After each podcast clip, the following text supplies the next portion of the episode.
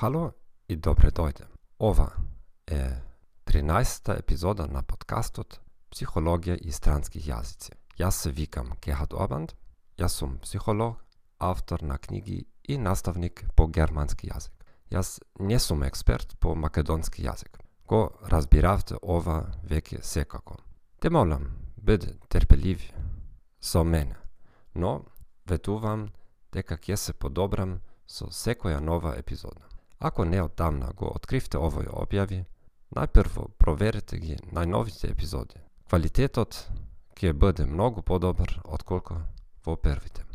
Сега да започнеме со нашата тема днес. денес. Темата на денешна епизода, денешната епизода е како да се надмине стравот од јавно говорење. Во секоја земја во светот, повеќето возрастни се плашат од јавно говорење, барем по опреден степен, одпреден степен.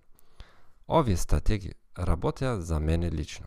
Вежбајте ја презентацијата пред огледало. Друга, снимете се секој ден на вашиот паметен телефон и навикнете се на вашиот глас. Трета, користите ги секојдневните ситуации како можност за обука.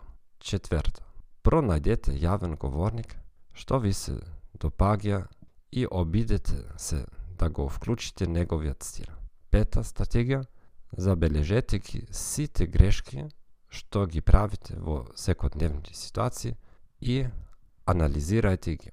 Ви благодарам што ја слушавте 13-та епизода од Психологија и странски јазици.